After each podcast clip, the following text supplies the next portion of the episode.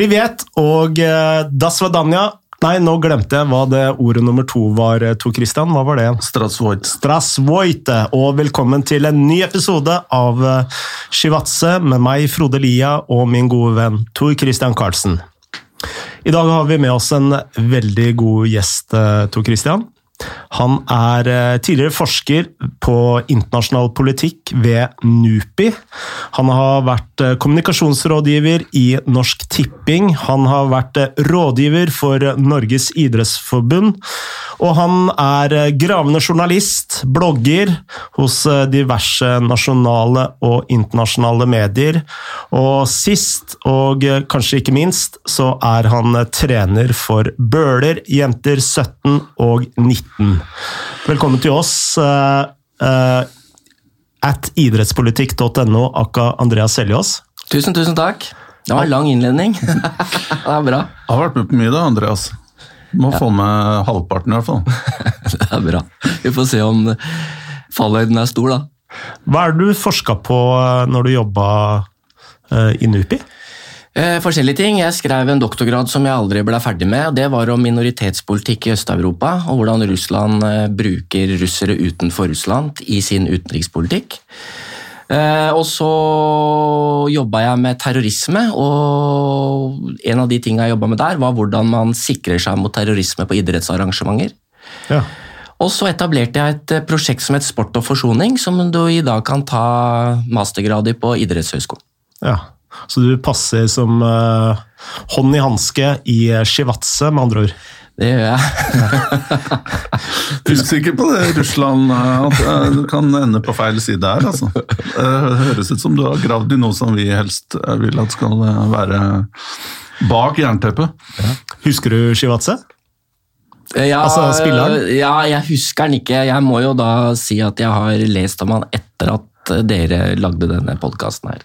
okay. Ja, ok. Bra, da har vi spredd eh, budskapet litt. Evangeliet. Da har vi spredd eh, evangeliet. Um, altså Grunnen til at du er her, er at du har skrevet en rekke saker i den siste tiden som både jeg og Tor Christian har vært uh, både imponert over og uh, interessert i.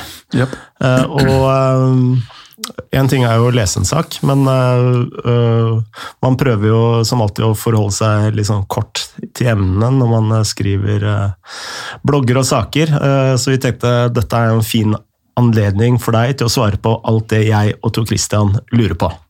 Bra. Det er bare å starte. bare å starte. og Eh, det første eh, vi kanskje kan snakke om altså Du har jo skrevet mye om TV-rettigheter. Eh, både her hjemme med tanke på prisøkningen til TV 2, og hvordan prisingen av både Champions League og Premier League har konsekvenser på den store verdensarenaen. Og du har på mange måter spådd et lite fotballkamp krakk, du. Ja, jeg vet ikke om det er et crack, men det som har skjedd i koronaperioden nå, har jo vist at uh, at uh, det er mange som nå begynner å bli litt tilbakeholdne med å, betale for rettigheter. Uh, særlig i Asia, Midtøsten. Så det blir spennende, og det går jo utover da økonomien i Premier League f.eks. Ikke bare Premier League, men det har også kommet signaler om at Bundesliga for eksempel, ikke er like interessant for, for Bain Sports. Eh, og Hvis det fortsetter å gjelde pga. koronasituasjonen, så vil jo da både Premier League eller Bundesliga-klubber vil jo slite, og så vil det da også påvirke hva som skjer nedover i systemet. Premier League er kanskje det største eksempelet, fordi det er mest penger, det er den rikeste ligaen. Eh, og de betaler enorme summer i lønninger, overgangspenger og sånne ting. Og hvis pengene til TV-rettigheter uteblir, så kan det hende at hele systemet kollapser. Men Benin har nå sagt at eh, de ikke vil betale, eller? Nei, altså, i, i, i, Tyskland nå så har de sagt at de er ikke interessert lenger, men det er ikke det, det sentrale. Vi alle husker denne saken med Newcastle og oppkjøpet av Newcastle. Den ble ikke stoppet pga. menneskerettighetsbrudd i Saudi-Arabia. Den ble stoppet pga. at eh, saudiarabiske pirat, pirater, holdt jeg på å si, piratmedia, hadde stjålet TV-sendingene til eh, Sport, som er i Qatar. Så det er det som egentlig var grunnen til at Newcastle ikke ble solgt til Saudi-Arabia Saudi-Arabia. Og i etterkant så har da Qatar pga. disse privat-TV-sendingene i Saudi-Arabia sagt at de ikke er interessert til å kjøpe rettigheter av Premier League, for de kan aldri garantere for at de har de eksklusive rettighetene. Og Hvis det er liksom det som skjer framover nå, så, så, er det jo alvorlig for økonomien. I tillegg så har du koronasituasjonen som er nå, da, som har gjort først at eh, kamper og seriespillet har blitt utsatt veldig lenge. Uh, og det er lite tilskuere på kamper og sånne ting. Og det, det som har skjedd da, er at TV-selskaper har bedt om enten å få forlenge TV-avtalene sine, eller utsatt betaling og sånne ting. Uh, og Det går jo da utover økonomien til klubbene. I tillegg til at klubbene ikke tjener penger på tilskuere, så får de liksom en smæla i begge ender. Hmm. Dette høres uh, veldig prekært ut, Tor Christian? Ja, og det, det, ser vi jo litt i overgangsmarkedet òg, at uh, man holder litt mer igjen enn det som har vært tilfellet tidligere. Men uh, jeg lurer jo på, uh, og det er jo som Andreas sier, at på én side så går um, så øker abonnementsprisene. De følger ikke inflasjonen, de skyter mye høyere tempo enn det. Men så får jo også supporterne kanskje et dårligere produkt, da. I og med at det ikke er publikum og ramma rundt kampen mm. er um, litt annerledes. Og, og, kanskje heller ikke du får den intense fotballen som publikum gjerne jager fram. Så det er jo klart, men um, man, man jeg, ser, jeg, ikke, jeg, kan ikke hevde at jeg har opplevd noen slags mindre interesse pga. kvaliteten på kampene, men det er klart, alt har jo tipping point.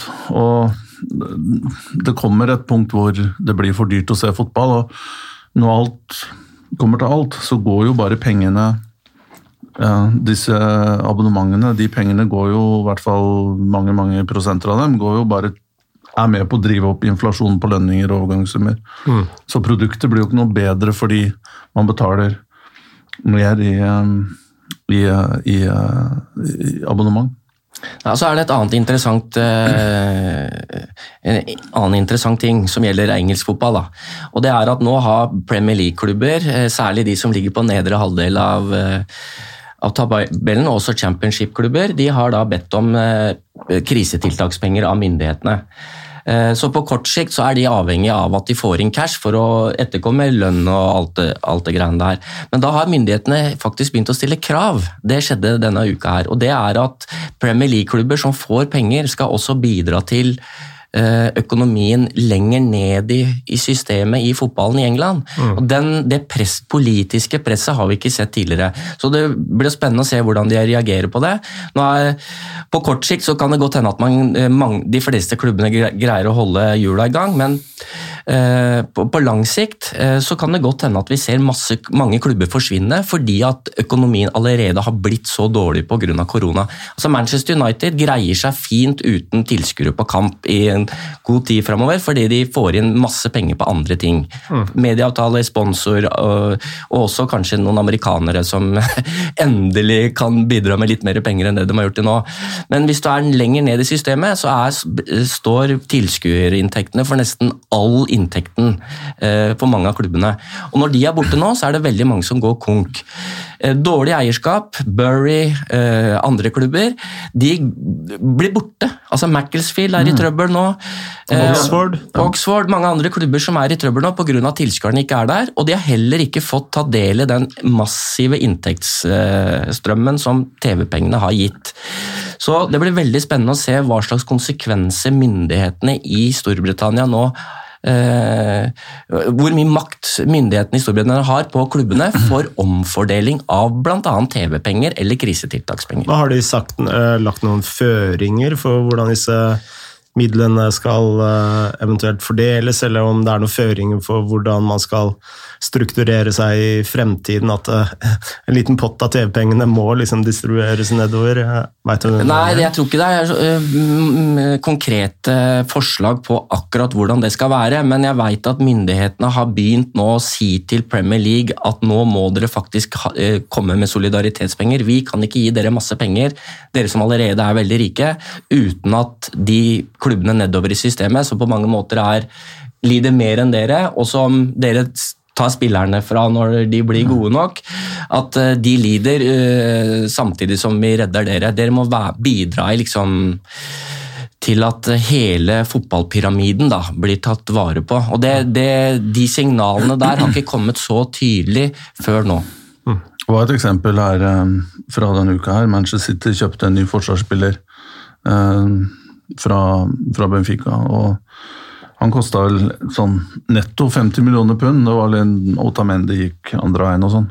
Men for de 50 pundene, det er på en måte hele budsjettet til, til League 2. En hel sesong. Så én overgang på en måte hadde redda hele, hele fjerde nivå i England. Og det sier jo veldig mye om, om, om forskjellen her. Men når alt kommer til alt, altså dette blir jo idealisme, men det hadde jo vært veldig fint om makta ligger jo hos de som kjøper billetter og betaler, og supporterne, egentlig, når alt kommer til alt. Og der er man jo fl mye flinkere i andre land enn kanskje England til å støtte opp om lokale klubber og, og, og, og sånt. Men hvis folk hadde ja, kanskje gått og sett Stockport County da, istedenfor Manchester City eller Manchester United, i hvert fall tre-fire ganger i året, så hadde de klubbene, og Bury nevnte som også er i utkanten av Manchester, Bolton ligger også på knærne. Alle de klubbene her er jo brakk uh, rundt Manchester-området. Så det er klart, der syns jeg det ligger uh, liksom moralsk ansvar også for de som uh, går og ser de større klubbene. Bli med og se, se kamper nedover i systemet. Og så er det jo et annet element der som eh, Vi var litt inne på det med Newcastle og Saudi-Arabia. Det som har skjedd i England, i hvert fall sånn som jeg ser det, det er at det er så enormt mye penger der. Og det gjør også at du får en del eh, hva skal jeg kalle det, rare eller shady eiere inn, på, inn i klubbene som ikke driver så godt, eller som er der for, å, for helt andre ting enn fotball. Og hvis hele økonomien blir borte altså, blir svekka der, så kan det godt For det første så har de eierne drevet de klubbene dårlig til nå. Og hvis økonomien blir enda dårligere, så, og de trekker seg ut, eller de ikke får eiere, så vil enda flere klubber bli dratt ned i dragsuget her. Sånn at den økonomi Det vi ser nå i koronasituasjonen, er jo hvor dårlig denne fotballpyramiden i England er, da, som vi snakker om nå. Om eh, eierstrukturer og fordeling av penger som er helt ko-ko, og som da britiske Tory-myndigheter må gå inn og regulere. Det er nesten litt ironisk. Jeg vil Bare også nevne, nevne en annen uh, sak her, eh, som, som mange nevner, som jeg prater med i fotballen, at, som er litt sånn borderline Skal sammenligne med finanskrisen i 2008 eller 2009, når var det? Den Uh, Ja, hva, hva het den uh, Altså måten de pakka inn uh, Subprime. ja, og, ja sub, litt subprime-momentet til fotballen kan være det Dette er jo ikke på en måte lureri, men den samme kjedeeffekten er jo at klubber betaler jo nesten aldri cash, altså overganger. Eh, og de kommer i installments, gjerne over lengden på kontrakten.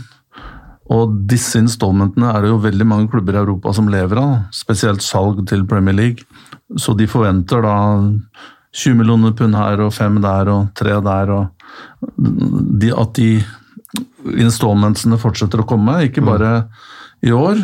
I år kommer det, men som Andreas sier, da, hvis dette her på en måte eh, korthuset raser sammen, så vil jo det få en vanvittig dramatisk effekt også på det kontinentale Europa, som lever av å selge spillere til, Premier League. til Premier League. Eh, Vi har jo snakka mye om eh, franske Altså ikke bare franske klubber, men altså den franske fitten proper-testen, om du vil. Og I England så har man jo en fit and proper-test, men du har jo ikke de samme økonomiske kravene som man har i Frankrike. Ville uh, altså de kravene som blir satt til franske klubber, hvis de hadde vært innført i England, ville det ha vært med på å redde engelsk fotball?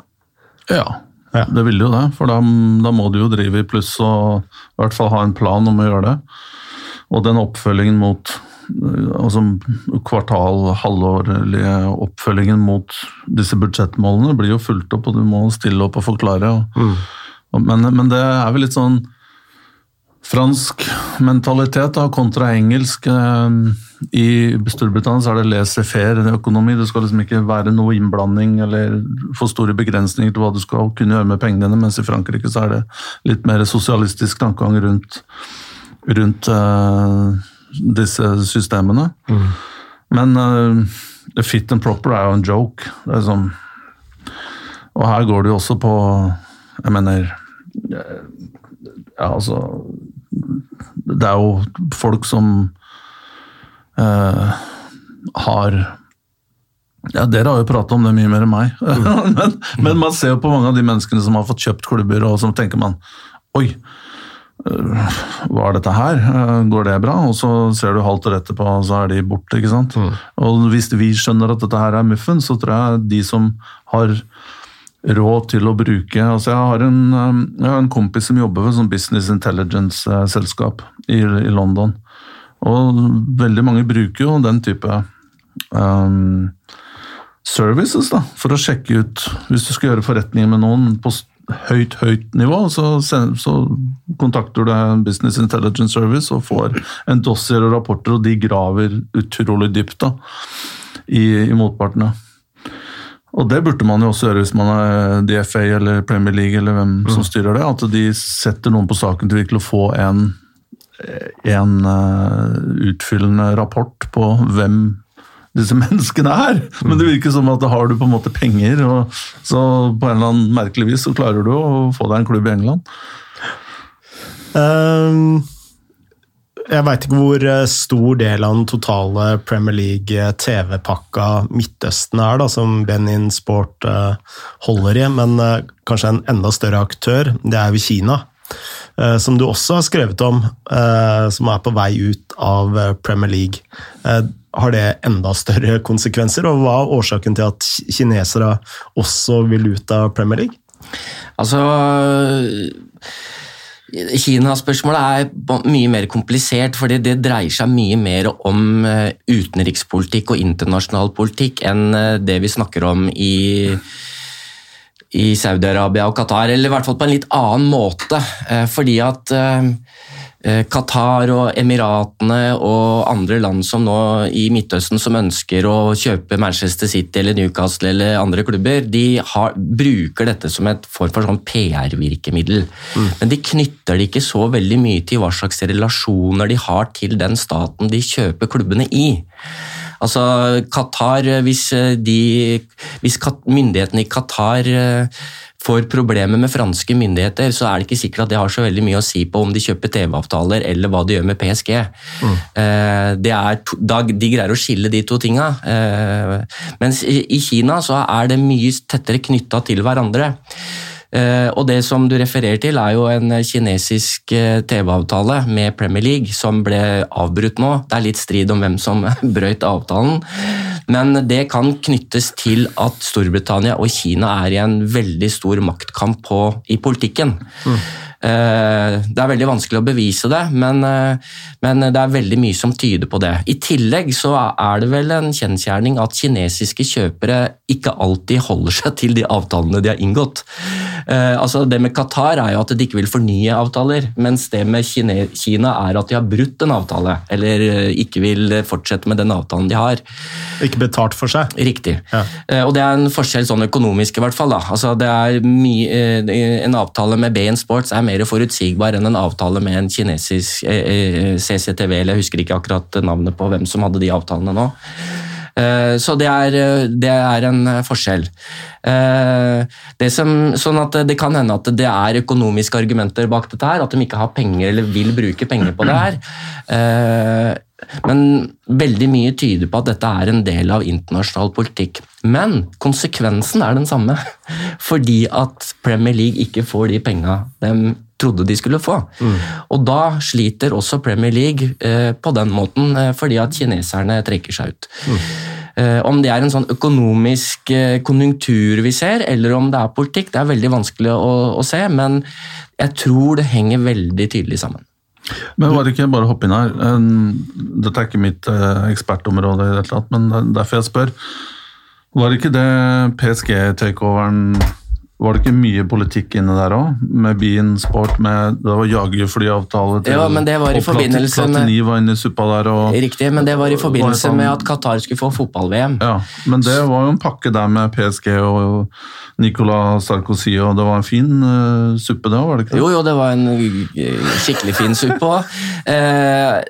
det var jo at eh, Sarkozy og Platini faktisk i holdt på å si Vinterpalasset, ikke der, men i, i regjeringsby, eh, regjeringsbygget i, i, i Paris, eh, forhandlet med emiren om eh, stemmer til eh, Qatar 2022, og i den avtalen så inngikk det jagerfly, f.eks. handel mellom statene.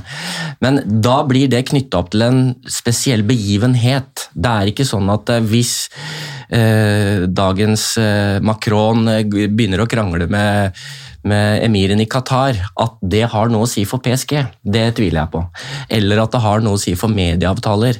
Det har mye større konsekvenser hvis Kina eh, kommer i konflikt med en stat. Så har det mye større konsekvenser for de bedrift, kinesiske bedriftene som er involvert andre steder, eller de eh, bedriftene fra det landet som er i konflikt med Kina, og de avtalene de har i Kina f.eks. Jeg tror det er mye sterkere sammenheng mellom de to tingene. Litt som i Norge. Ja, Norge er jo veldig spesielt tilfelle pga. Nobels fredspris til Liya som gjorde at eh, Norge kom i fryseboksen. Og i det tilfellet så har jo norske myndigheter brukt idrett veldig sterkt for å komme inn i varmen igjen i Kina. De har jo inngått en egen idrettsavtale med Kina, eh, som bl.a. innbefatter at eh, langrennsløpere fra Kina skal kunne trene så og så mange dager i året i Norge hvert år fram til OL i, i 2022. Var det disse hopperne som eh, plutselig stakk av? Ja, de stakk av fra regninga. Men eh, også, så der er det Norge, tror jeg har brukt idretten uten at idretten én har vært med på hele avtalen, og det andre at de ikke har sett konsekvensen av hva de har gått inn på. Det ligner litt på da Drillo fikk jobben i, som landslagstrener i Irak. Det var også en del av norsk utenrikspolitikk. fordi når USA gikk til angrep på Irak på grunn av, i 2003, var det vel, så var ikke Norge med. Kjell Magne Bondevik ville ikke være med George Bush på det, den ferden over inn i Irak. Og, men en av de tingene som man Man skjønte liksom at det var litt dumt, da, for man kom på kant med USA, så man ville bidra likevel. og Da var det bl.a. et feltsykehus i Irak som man var med på. Og så skulle man bidra på såkalt soft power. Dvs. Si at man skulle bidra til kulturutveksling eller andre ting som gjorde at forholdet mellom USA og Norge ble bra. Og da var Drillos eh, landslagssjefrolle var en del av eh, forhandlingene nesten til eh, norsk UD.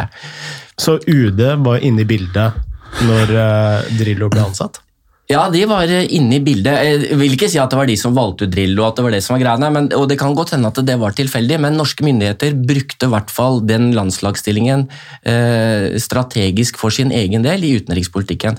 Det som norske myndigheter ikke skjønte, var at det er altså Fotballforbundet i Norge og var vel nå skal jeg være litt forsiktig her, men var vel involvert på en eller annen måte. Det norske myndigheter ikke visste om, det var hvordan fotballens regelverk var. Det vil si at det er ikke lov for ett landslag å hjelpe et annet landslag. Mm. Da kan man komme i sånn integritetskonflikt, kampfiksing og sånne ting. Og Det gjorde at man etter hvert uh, sa at uh, vi skal ikke hjelpe landslaget, men vi kan drive med hjelp i flyktningleirer, vi kan drive med utvikling av kvinnefotball i Jordan og Libanon og Syria og andre steder, som en del av den pakka der. Men det var Norske myndigheter eh, var veldig delaktig i fotballpolitikken for å skape et bedre omdømme for seg sjøl i eh, utenrikspolitikken.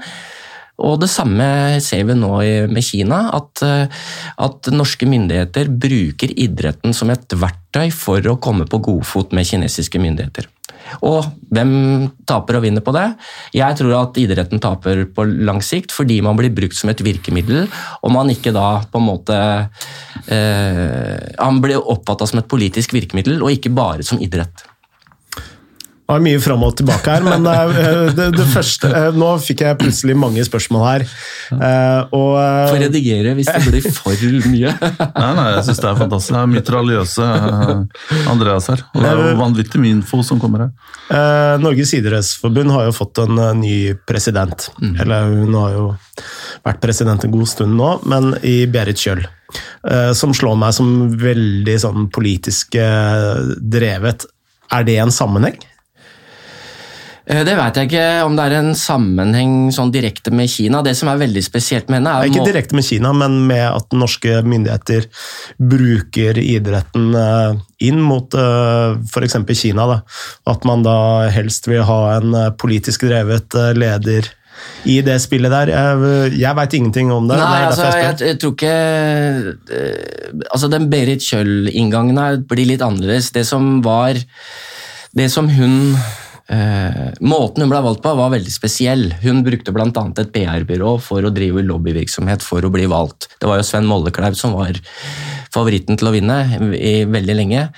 Og så vant hun eh, allikevel. Sånn at det var en, et kontroversielt valg. Uh, og det som er litt spesielt, er at hun ikke har så veldig lang fartstid i idretten. Sånn at hun liksom hun, For veldig mange så var hun en frisk pust, og hun var liksom bedre enn Tom Tvedt, som ikke kunne oppføre seg i media, og som sa veldig mange rare ting, og oppførte seg kanskje litt rart i den åpenhetsdebatten som vi hadde. Men så har hun kanskje ikke den forankringa i idretten som en idrettspresident burde ha. Altså Hun har ikke hatt en jobb i et særforbund på samme måte som Tom Tvedt, har ikke jobba i en idrettskrets. Hun kommer fra Turistforeninga og har da ja, litt erfaring fra hest, tror jeg. Et eller annet sånt. Men, eh, men, eh, sånn, at, men eh, sånn, at, det friske pusten kan jo være bra, at man liksom får røska opp litt. Det som jeg mener vi har sett nå i den siste tida, er at hun ikke er den fagforeningslederen, kall det en idrettspresident for det, da, en som skal kjempe for rettighetene til de som er medlemmer hos deg.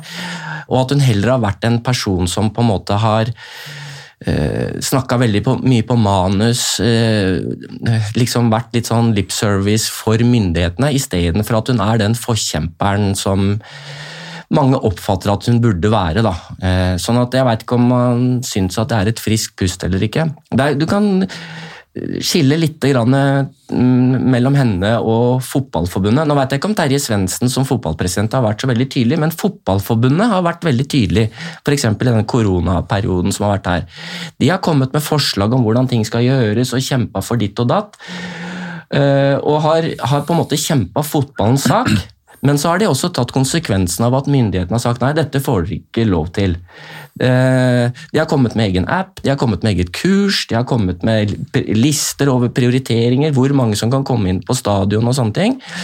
Mens jeg mener at Berit Kjøll i mye større grad har venta på utspill fra myndighetene, og så har hun sagt at ja, vi må ta samfunnsansvar og høre på det de sier. Mm. Eh, men det er, noe, det er, ikke noe, motsetning i de to tinga. Jeg mener at Hvis du legger opp en plan for din egen virksomhet eller organisasjon, kommer med masse planer og sier at dette er forsvarlig, dette kan vi gjøre dette kan vi greie bra Idretten er jo de som har løst koronasituasjonen best. Kanskje fotballen best av alle. for Jeg har stått og vaska kjegler og baller etter hver trening og kjefta på folk fordi de er mindre enn to meter unna. og sånne ting. Altså, det er veldig få organisasjoner som har greid å få trenere og ledere til å gjøre det samme. Og så opplever man liksom nå at uh, Men altså, han liksom gjør alle de tinga som han mener er riktig, og så tar man de beslutningene som myndighetene sier til etterretning. Mm. Og da har man på mange måter gjort det beste man kan, og så følger man de retningslinjene som er. Fotballforbundet mener jeg Kanskje overraskende at jeg skryter av Fotballforbundet, men der syns jeg de har gjort en ganske god jobb. Mens Idrettsforbundet har vært mye mer passiv, og der har jo Kjøll da vært den som liksom skulle til saken. Kan ikke du bare holde den eh, tanken der? Uh, ta, trekk noen inn- og utpust, fordi nå må jeg gå tilbake igjen, og så fortsetter vi her senere. Fordi du sa at Qatar og Emiratene og Saudi til en viss grad brukte idretten som en slags promotion-verktøy. Og det er noe mange sier Uh, om igjen og om igjen. Men uh, hva slags belegg har vi for det, og hvordan uh, utarter det seg sånn i praksis? Altså det, det, det, vi snakker om da, er det, det såkalte begrepet sportwashing. Vil si at regimer, eller i dette tilfellet, da, bruker idretten for å skape et godt inntrykk av seg sjøl. Det er en veldig avansert form for PR-strategi. da. Eh, det som vi veit, er at De forente arabiske emirater har utarbeida et eget sånt eh, agenda, et 20, jeg husker ikke, 30-dokument, eh, der de beskriver hvordan de skal bli godt omtalt i verden. Mm. Og da, I det dokumentet så står det bl.a. at de skal kjøpe en fotballklubb eller et, en, involvere seg i en idrett for å skape det inntrykket av den staten som et positivt positivt uh, pust i verden. Da. Så det er et dokument som eksisterer, som det går an å lese. Og det er jo nærliggende å tro at mange andre tenker på samme måten. Og da så, så, det er liksom politikken bak det. Mm. Og da er det jo regimer da, som har et litt frynsete rykte, særlig når det gjelder menneskerettigheter, kanskje krigføring, som da Eh, ønsker å bruke idretten som et virkemiddel for å skape et godt omdømme. Da. Og det er jo og det er mange som gjør det. altså Aserbajdsjan gjør det samme. Du kan jo se reklame for Baku og Aserbajdsjan i Spania og andre steder. ikke sant? Må du ikke si noe stygt om Georgia, altså. nei, nei. Og Tour de France nå, der var det jo veldig spesielt. For der har det, tror jeg det er da navnet på hvert fall tre land som er på drakta. altså Norske ryttere mm. sykler for De Forente arabiske emirater. Det er en del av den planen. Mm. ikke sant? Og det som skjer, er at at hvis du da kritiserer da, Alexander Kristoff sykkelrytter fordi at han sykler for dem, så får du veldig mange sykkelryttere, som, nei, sykkelentusiaster som sier at åh, kjedelig. Mm. ikke sant? De bruker pengene sine på sykkel. Kristoff mener jo ikke det samme som dem. ikke sant? Og Det er det samme i den der eh, Newcastle-debatten som vi var inne på litt tidligere, med Saudi-Arabia. Der ser du da Twitter-ratet Twitter som holder med Newcastle. De er jo til og med saudiarabiske flagg på profilbildet sitt. Kommer det en journalist som stiller kritiske spørsmål, så blir de hetsa. Det kommer egne troll som liksom skal prøve å ta journalister eller de som er kritiske. Og det ser du på Manchester City. Eh, der har de jo avdekka masse eh, forbindelse mellom eh, Manchester City-supportere, mm. som da får betalt av eh, ad omveier penger for å drive kampanjer mot de som er negative mot Emiratene eller Manchester City. ikke sant? Sånn det, så det er liksom politikken her og dynamikken i det som skjer. Men de har vel brukt veldig mange renommerte kommunikasjonsbyråer og sånne datafabrikker til å komme med mye sånn hva kaller man fake news? Eller? Ja, ja, ja det, er, det, er, en del av det. Altså, det, det ene er kommunikasjonsbyråer. Alistair Campbell var vel en eh, sånn spinndoktor? Uh, spin, ja, altså det er en uh, annen historie. Men Alistair Campbell, som da uh, var litt morsomt da når Per-Mathias Høgmo, når han var landslagstrener i fotball, dro Alistair Campbell inn på på Ullevål stadion i forbindelse med at Norge skulle spille mot Sverige og skulle presentere en bok han hadde skrevet om vinnerskaller. ikke sant? Og så er det han, og dette var i regi av Handshake for Peace. Og så er Alistair Camper den som fant opp argumentene for at hun skulle gå til krig i Irak for Tony Blair og George Bush. ikke sant? Så det er, det er litt morsomt, da. Men han, eh, han driver I beste fall interessant. Ja, beste fall interessant. Men det er det ene. Det andre er at han da, eh, eller etter at han, eh, Tony Blair gikk av, så begynte han å jobbe i et PR-byrå som het Portland Communications. Det er fortsatt de som hva skal jeg si, organiserer alle presseturene til Qatar ennå. Så det selskapet han jobba for, de jobba for å profilere eh, Qatar på en flott måte i forbindelse med fotball-VM i 2022. Og han er også anklaga for, og det er tror jeg bevist, at han var med på å opprette falske blogger eh, som skulle liksom eh, vise hvor hvor populært og god fotballen i den nasjonale ligaen i Qatar var. da. Altså at eh, De liksom laga sånne Jo, dette er bra match, og fy fader, nå gleder jeg meg til neste hjemmekamp. Og sånne ting. Og så viser det seg at det bare er et PR-stunt. Og da var det han var involvert i det. Så det er eh, masse PR-byråer. Men det beste PR-byrået i den sportswashinga, det er jo nemlig det at supportere og tilskuere og sånne ting, begynner å forsvare regimet.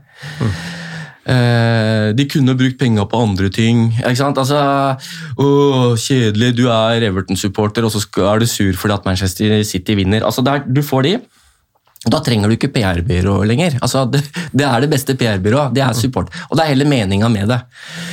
Eh, også I tillegg så har du en del advokater som er ute, da, jurister, som uh, hvis du da gjør ting som de mener ikke er bra, så får du dem på nakken. Men det skjer ikke på Twitter. Det, det får du i posten eller e-post, eller noen ringer til deg eller stiller opp i døra. Og da kan du være i uføre. Særlig som journalist så skjer det. Ja, nei, jeg har fått et, par sånne brev selv, jeg. Gikk rett i søpla. Lusin, jeg tenker du sier Frode. Men tenk hvor, tenk hvor hyggelig det har vært om fotballag eller syklister hadde kjørt rundt med Tibet eller Bhutan eller Nepal og sånn på traktene, eller en eller annen sånn stillehavsøy der du får blomsterkrans rundt nakken når du lander. Det er, som, det er jo disse ja, mindre koselige stedene som eh, har behov for den eh, reklamen der. Ja, det, det er én ting, men du har i den eh, Black Lives Matter-situasjonen som vi er i nå, med eh, der flere og flere fotballspillere faktisk, hvis vi snakker om fotball da, nå eh, fortsatt, eh, begynner å protestere og vise eh, sine meninger. Da. Og Der har du en veldig spesiell si- situasjon, bl.a. med Mesut Özil, som er da muslim, og som da har forsvart uigurene i i Xinjiang-provinsen i, i Kina, som da mm, rapporter sier at opptil to millioner mennesker kan være i konsentrasjonsleir, der de skal omskoleres og sånne ting. Og det har jo ført til at kinesisk TV eksempel, har tatt bort Arsenal-kamp fra TV eh, og sånne ting. sånn at eh, Eh, hvis han hadde stilt opp med Tibet-T-skjorta også, eller eh, flagget til Xinjiang, så tror jeg at eh, ikke, Og Arsenal tok jo avstand for det, fordi de skjønte at dette er trøbbel for oss også. Men hvis de da begynner med T-skjorter eller flagg, sånn som eh, Tor Christian sier her nå, så kan det bli enda mer konflikter på den måten her. Så det er derfor Øzil egentlig ikke spiller. Ja, nå har han vel eh, Eh, Nå har de jo fått men- en spiller fra eh, Rwanda, har de ikke det? Jo, via, via Fram Larvik og Trom, et eller annet sted oppe i Og hovedgrunnen til det, jeg vet ikke om det er pga. av fotballkvalitetene, men det er jo fordi at Rwanda eh, sponser Arsenal. Men øh, du, jeg, jeg, for, altså jeg, jeg hører hva du sier, øh, Andreas. Jeg er for så vidt enig i at øhm, at man skal være våken her, og jeg setter veldig pris på de, den øh, approachen du har, og hvordan du belyser ting. Og du som en forsker og akademiker, da, hvis jeg skal bruke det ordet.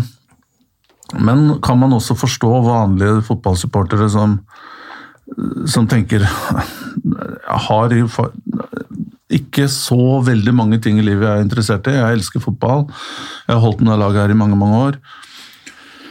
Hvis noen sjeiker kan bli med og ordne sånn at vi får han kule spilleren der, Kamavinja fra Renn, eller vi får um, Ansu Fati fra Barcelona, så fuck, det er faktisk viktigere for meg enn geopolitikk. Det får ikke jeg gjort noe med. Jeg backer de gutta eller, som kommer inn her.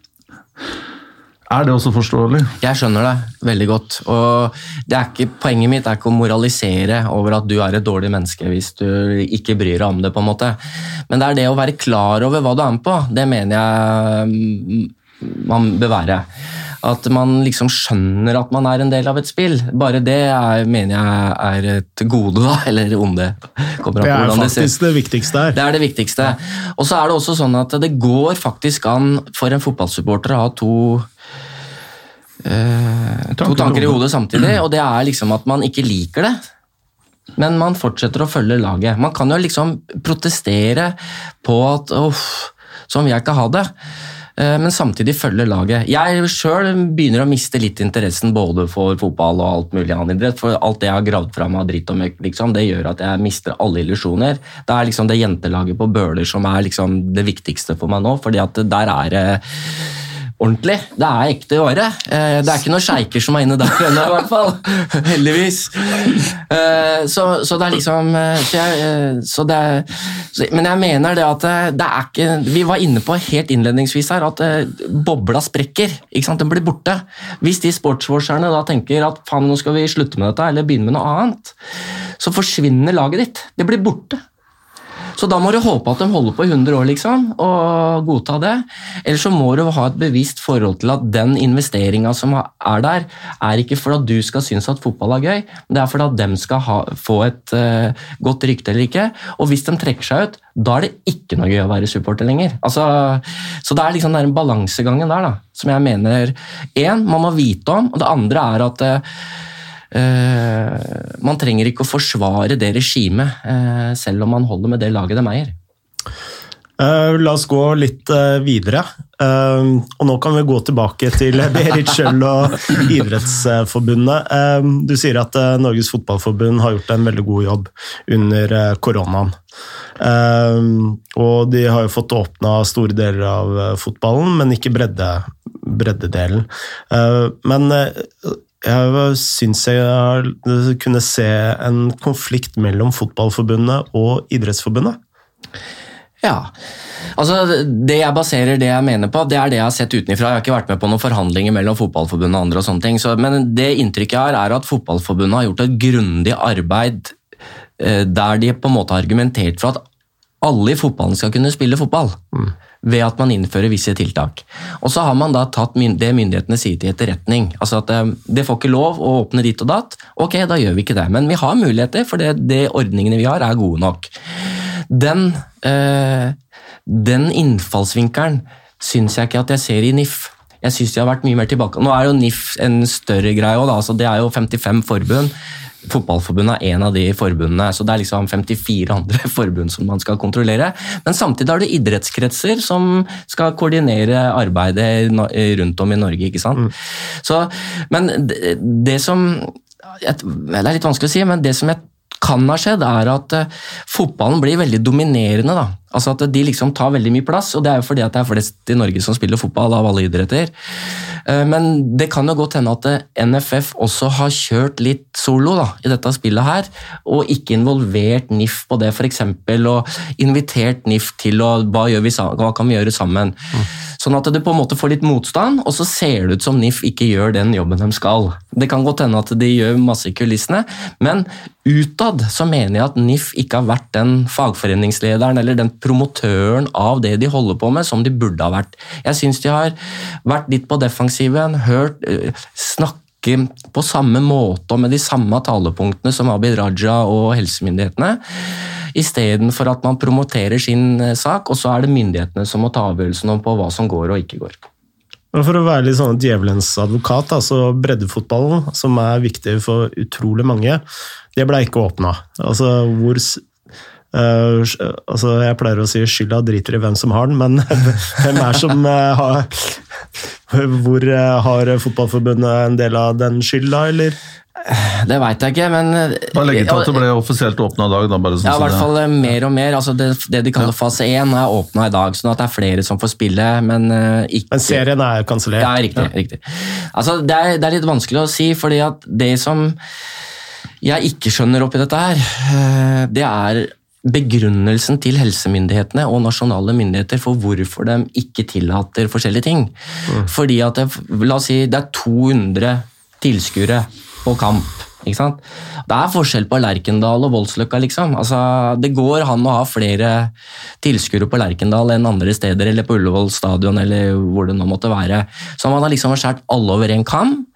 Det, på, det er på tilskuersida, men det er også sånn at Eh, eh, man kan liksom gå på byen og drikke alkohol til klokka ditt og datt, og så kan man ikke ha kontakttrening mellom 21-åringer eh, på Haraldløkka, der vi holder på. ikke sant? Altså det, det, er noe, det, er noe, Jeg skjønner ikke smittevernstiltaket, og jeg skjønner, skjønner ikke logikken i det som skjer. Det kan godt hende at det er en logikk, at det er tjukke dokumenter som påviser at det er mye mer farlig å spille Paraløkka 21 stykker over 21 år, enn det er å være drita full på en pub i Oslo med over 50 stykker, liksom. Men Handler ikke det enkelt og greit om at redde økonomien, og at ikke man skal få landefall av utesteder og restauranter? og... Det kan godt hende. Som skal eh, gå det er, det er det kan godt hende at det er argumentet, men nå ser du at, liksom at smittetallene går opp, og det er ikke pga. idretten. Altså, hvis man hadde begynt i den andre enden, at alle de som drev etter, med spritflasker og antibac og én meter avstand, at de fikk lov å holde på fordi at det er ikke noe smitterisiko i det hele tatt,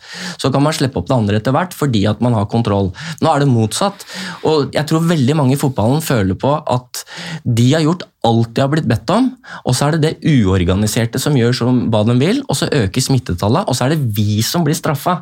Det tror jeg er det som har skjedd. Og Det er derfor veldig mange protesterer på det her. Og det er, nå snakker jeg ikke om hva som er rettferdig og urettferdig, og sånne ting. det er liksom hvordan det blir fremlagt tiltakene som jeg tror er problemet her. Altså det Er det sånn at idretten skal være med på en dugnad? Ja, da skal de være med på en dugnad. Men det, da må det på en måte gjelde likt for alle. Det er det som jeg, Den logikken uh, syns jeg er litt fraværende. Altså, det er jo to saker eh, altså, Du skriver jo mye om eh, både Idrettsforbundet og Fotballforbundet. og Når vi snakker om Fotballforbundet, så er det vel to saker som har vært eh, større enn større enn alt annet. Og det er jo altså behandlingen av covid-19-spørsmålet. Og så er det Pål Bjerketvedt, eh, som eh, er jo, altså, det er jo for så vidt to saker. Det er en PFU-klage med, med Jossimar som vi, vi kan la ligge, for det er noe helt separat. Og så er det eh, det jeg mener er den store saken her, det er jo oppførselen til generalsekretæren i, eh, i Norges Fotballforbund. Åssen er det du ser på hele den saken der? Nei, altså det, Hele saken virker jo merkelig for oss som står utenifra. Altså, den er mer- merkelig på veldig mange måter. Altså, Den PFU-klagen er jo en del av hele bildet her. ting. Hele bildet, og det, det er jo, Den dreier seg om det spillet som Pål Bjerketvedt har holdt på med. Det er det ene. altså At han har på en måte gitt informasjon. Eh, Planta saker i pressen. ja, og hatt off record-samtaler med journalister i Josimar, og samtidig klager inn Josimar til PFU fordi de ikke har belegg for det de skriver. Eh, Det er litt mer- merkelig strategi, om, det er en, om man spekulerer i det eller ikke. Det er det ene. Det andre er at i, den, i saks, hva skal jeg si, utviklingen i saken, så har man jo på mange måter først benekta at samtalen har skjedd, eller at det har skjedd på den måten, eh, og at det faktiske forhold som ble informert om i den samtalen, ikke var sant. Og etterpå så har man innrømma det og gitt kompensasjon til den som var på en måte skadelidende internt i NFF. Og det vitner ikke bare om at du har et veldig spesielt forhold til pressen, men du har et veldig spesielt forhold til din egen organisasjon når du kan baksnakke noen og etterpå gå i en minnelig avtale om pengekompensasjon fordi at det du i utgangspunktet sa ikke var sant, det er sant allikevel. Det det er ganske absurd. Ok, men ø, dette er jo saken. Altså, du har en generalsekretær, Pål Bjerketvedt, som da planter saker i pressen om egne ansatte, som i tillegg viser seg å bare være ljug. Hvordan i all verden kan et fotballforbund velge å ikke sparke en, en sånn leder? Jeg mener at det vitner om ikke bare skandaløs lederskap fra Terje Svendsen og resten av styret. Altså det er noe av det svakeste jeg har sett av lederskap eh, i Norges Fotballforbund noensinne. Og det eh, forarger meg at det er ingen som snakker om det. Ingen som verken skriver om det eller snakker om det. Og eh, de jeg egentlig tenker mest på, det er alle de ansatte oppå NFF-kontoret som må gå hver eneste dag til en sjef som de veit planter saker om dem som viser seg å bare være ljug. Ja, nei, det er... Altså, for å låne et eh, uttrykk til en kompis, det går faen ikke an. Nei, det er veldig spesielt. Jeg tror at stemninga der oppe er litt rar også når det gjelder denne saken og andre saker, for du veit jo ikke helt Det er noe jeg bare kan tenke meg, at man eh, kan ikke stole på det som blir sagt. Eh, Så det er, veldig, eh, det er en veldig spesiell situasjon. og i den saken her også, det, er, det er mange ting som er spesielt med denne saken. her. Det ene er liksom pressen, forhold til pressen, forhold til egen organisasjon, men det er også de andre såkalte uavhengige enhetene i NFF. Etisk komité f.eks. behandla denne saken før, styre, nei, før styret i NFF hadde tatt en beslutning om hva de mente om det, og før den interne granskinga var ferdig, så kom etisk komité og la liksom dette går greit, vi har ikke noe med dette her å gjøre. Sånn Det liksom, det ene er liksom at det er enkeltpersoner som liksom gjør veldig mange rare ting, og at de ansatte kanskje ikke kan stole på sjefen sin. Det andre er at systemet ikke funker. altså at Det er ikke noen kontrollmekanismer som kan ta opp dette her og gjøre en ordentlig evaluering av det som skjer, det syns jeg også er veldig merkelig. Og det er ikke bra for fotballen, ver verken for de ansatte eller for omdømmet og ryet til NFF.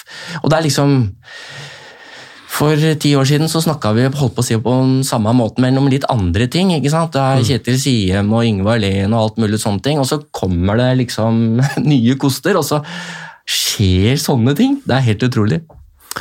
Helt utrolig. Eh, la oss eh, komme oss eh, litt videre, fordi en av de sakene som du har jobba med de siste månedene, som har eh, eksplodert på, i eh, verdenspressen, holdt jeg på å si, eh, men som er veldig lite kjent eh, her i Norge. Og det er jo eh, det du har rulla opp eh, sammen med Jan Jensen i Ekstrabladet i Danmark, eh, om eh, eh, Fifa-president Infantino. Kan ikke du gi oss en eh, kort eh, oppsummering? Hva er det dere har eh, gravd opp, og hva er det dere har funnet, og hvordan har dere jobba dere fram til alt dette her?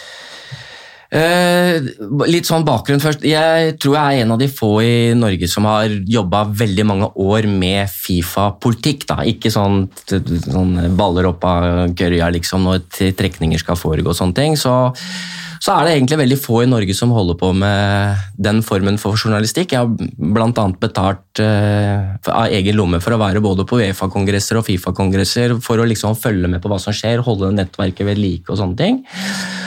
Og en av de som har vært redningshjelperne mine, det er Jan Jensen i Ekstrabladet. Eh, Ekstrabladet er kanskje kjent for side 9-piker og litt kulørte nettsider og, og sånne ting. Eh, Men de har altså da en av Europas fremste eksperter på Fifa, og det er Jan Jensen. Han har jeg jobba sammen med i flere år nå, på veldig tunge, store saker.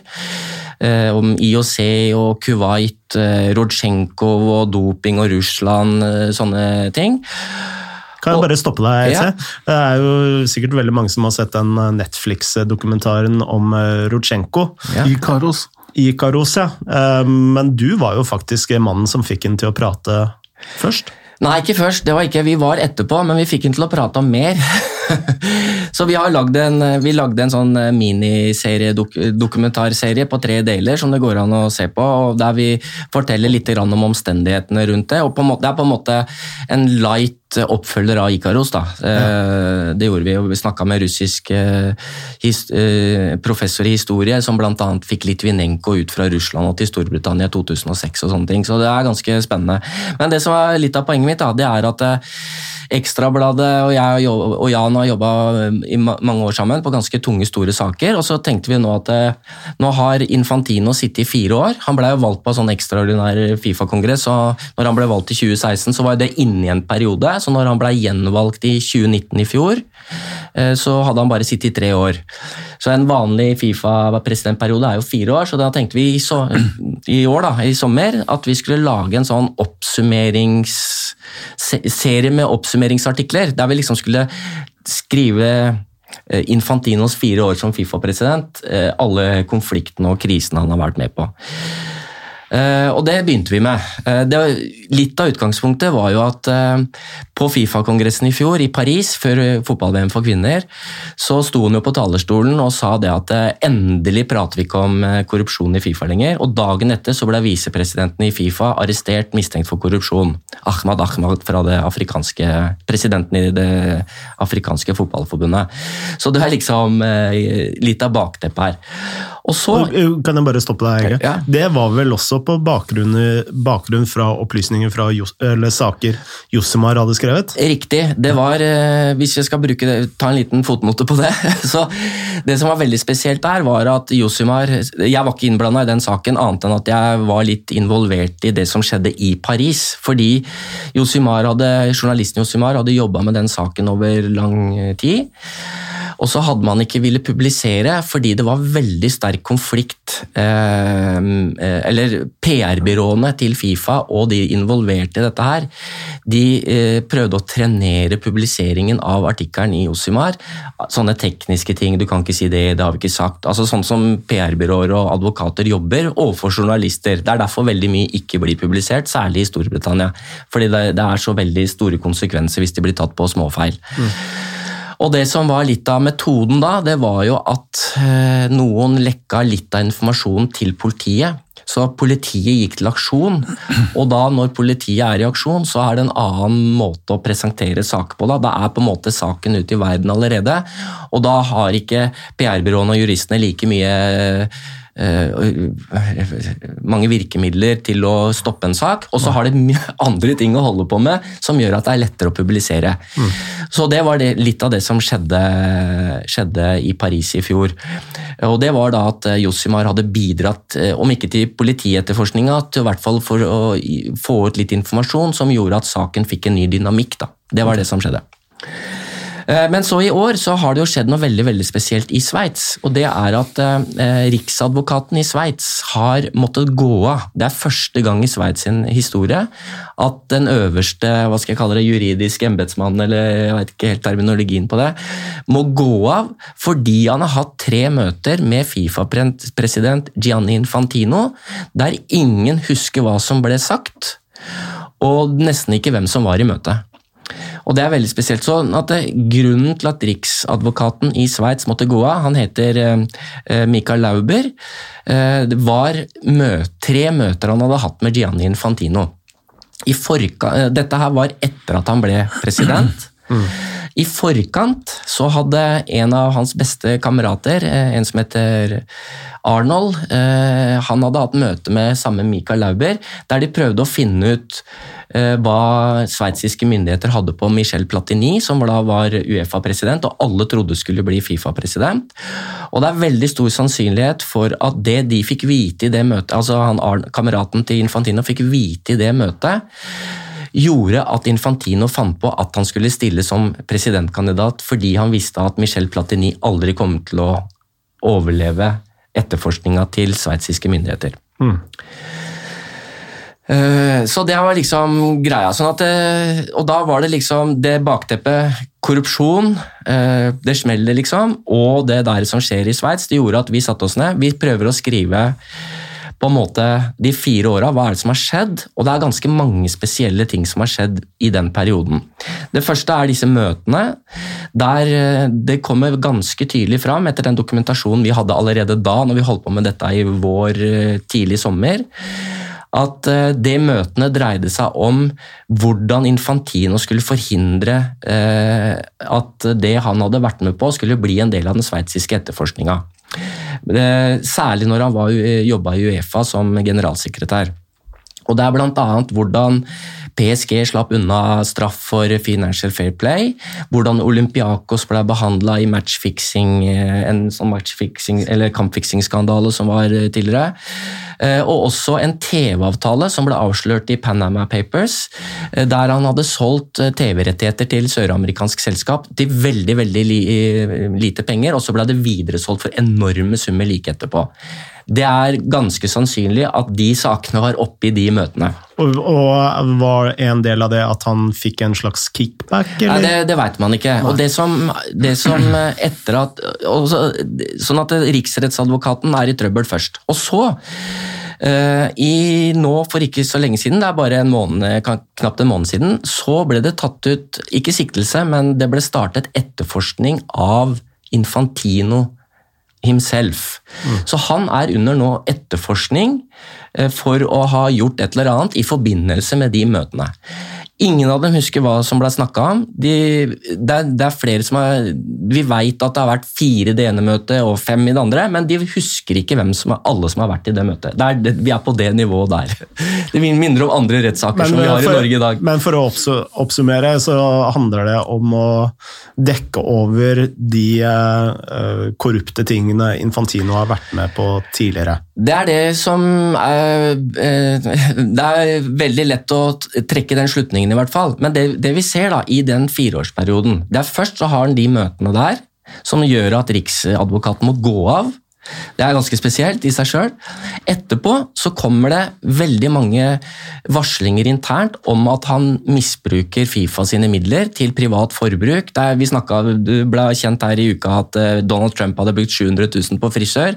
Hvis du går på regnskapet til Infantino, så vet jeg ikke om han har brukt like mye på frisør, for han har ikke hår, men han har brukt penger på mange andre ting som han egentlig burde betalt av egen lomme. Som hva da, f.eks.? Eh, vaskehjelp, eh, eh, rense dresser, masse sånne ting. Han har en ganske høy lønn. Mm.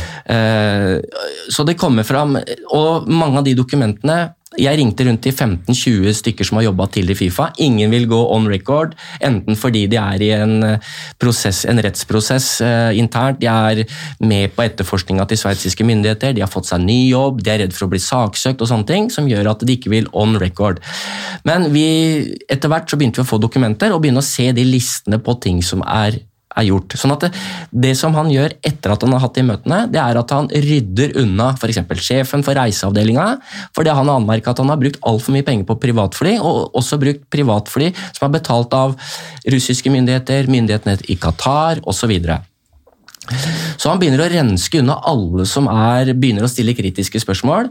For det som skjer etter at Sepp Latter mister jobben, er at det blir faktisk innført noen nye retningslinjer. Altså Sepp Latter kjørte fra 2008 til 2015 privat jetfly over 300 ganger.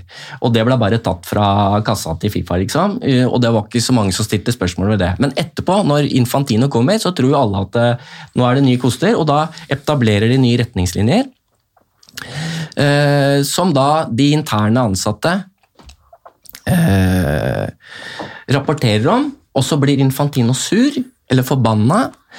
Og så sparker han de folka. Og En av grunnene til at de blir sparka, er fordi at av de, noen av de som får sparken, de har så tiltro til det etiske regelverket og den etiske komiteen, så de rapporterer til etisk komité om hva de har sett. De tror at dette er anonymt, ikke sant? det blir behandla som varslere.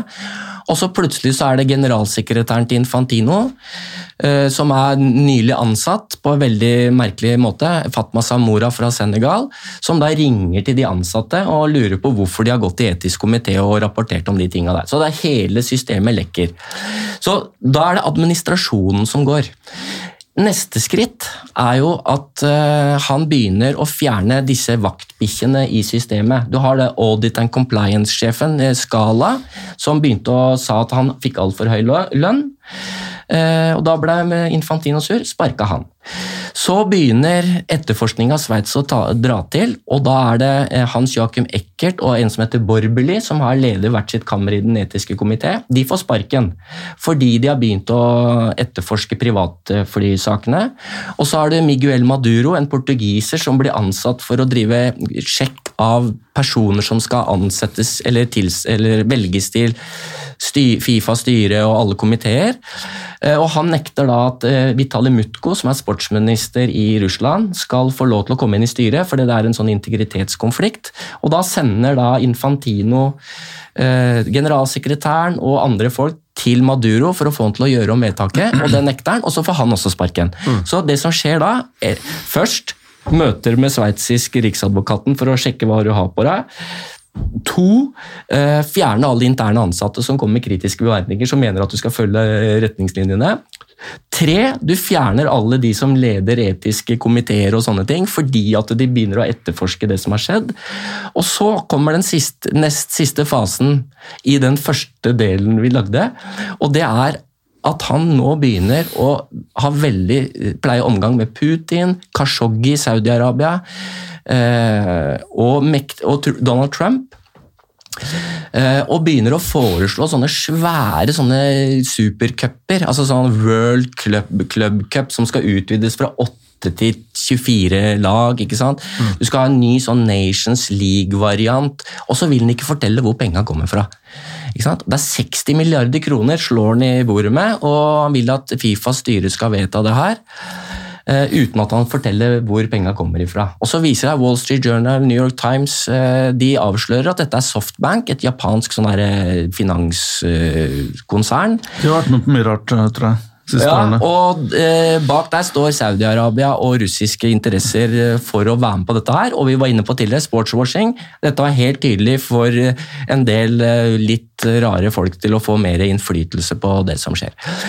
Og Det som er greia i den prosessen når vi skriver Dette er da de sju-åtte første sakene vi lager, er det vi, jeg snakker om nå.